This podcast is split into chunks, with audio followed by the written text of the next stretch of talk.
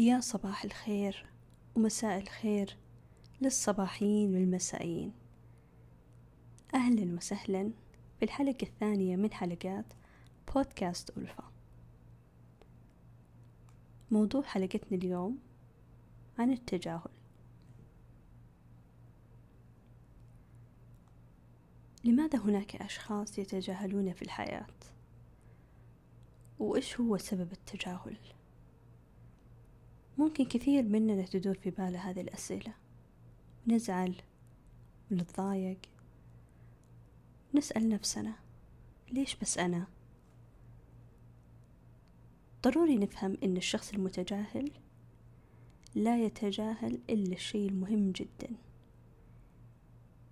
يتجاهل أهم شخص يتجاهل أهم موضوع. فالفئة هذه عندهم جسد مشاعر طفولي وقلة نضج. داخلهم مشاعر مكركبة. الفئة هذه ما تتجاهل قد ما هي تحاول تستفزك. تلاقيهم في المجالس يحاولوا إنهم ما يطالعوا فيك لما أنت تكون تتكلم بعكس الآخرين. أو مثلا يتجاهل رد السلام عليك. وممكن لما تكون في مجلس وعندك خبر مفرح تلاقي وجههم يقلب وعيونهم تحكي لك قد إيش يحمل داخله مشاعر بغض وحقد غير مبرر. طبيعي أنت في البداية بتكون مستاء لأن السبب في هذه التصرفات مجهول. أنت الآن عكست التعب النفسي اللي داخله. آه، مثلا إذا كان شخص عقله صغير وغير ناضج وأنت متزن وحكيم راح يحس بإنزعاج منك وحيتجاهلك قد ما يقدر. الخلاصة إنه حيقلل من قيمتك حتى هو يحس بالكمال. هذه الفئة ما عندها جرأة للمواجهة. فبما أن ما عندها الجرأة لابد أنه يكون عندك حس الشجاعة والجرأة والمواجهة إن احتجت. الشجاعة في أنك تشير إلى عدم قبول الآخرين لك. بمعنى إنك تقبل ذلك. يعني مو تروح وتبكي ليش تسوون معاي كذا؟ لا. عشان لا تلعب دور الضحية. أه قول لهم ترى أنا أدري وفاهم إنك ما تقبلني. أدري ما تبغاني أكون موجود في المجلس معاك وأقبل ذلك. لكن لا أقبل بعدم احترامي. فالأشخاص من هذا النوع عندهم تصور أننا راح ننجرح ونتأثر وممكن نرد لهم الأذى بأذى آخر. فأنت لازم تكون منتبه وما تعطيهم هالشي. وتأكد أنه لا أحد يؤذي الآخرين إلا وهو إنسان متأذي ولا أحد يهين إلا وهو ضعيف من داخله.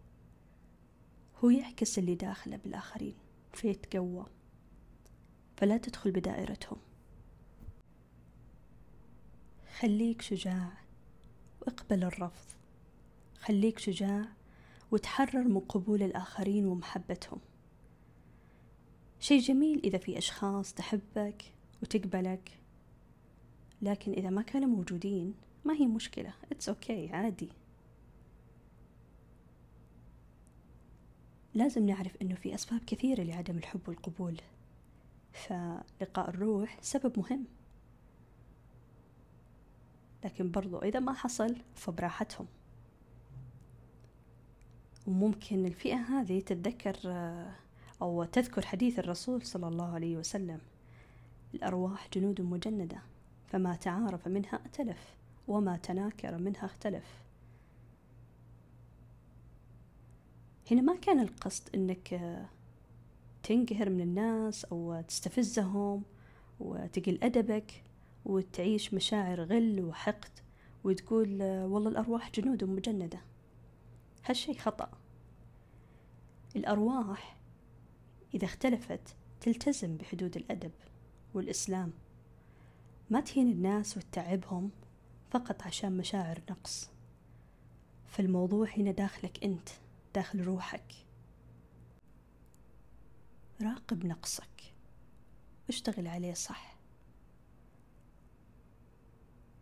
أما الفئة الأولى تذكروا أن هناك رسالة للأشخاص هذولا إذا حاولوا يجرحونك وأنت أصلا من داخلك مو مجروح أو حاولوا يتجاهلونك وأنت أصلا مو رافض نفسك. أو حياتك فما راح تنجرح. ولا راح يشعرك تصرفهم بالغضب. فاللي حيصير إنك بتقدر تشعر أن هذا الشخص يعاني بداخله. عشان كذا هو يمشي ويؤذي الآخرين فبتحس بالتعاطف والشفقة عليه بدل لا تزعل منه. واسأل نفسك إيش حتعلم من هذا الموقف؟ وإيش هي الرسالة الروحية لي من هذا الموقف؟ ومع هؤلاء الفئة. وأخيرا أتمنى لكم حياة مستقرة مع من تحبون. ودمتم بود وراحة بال.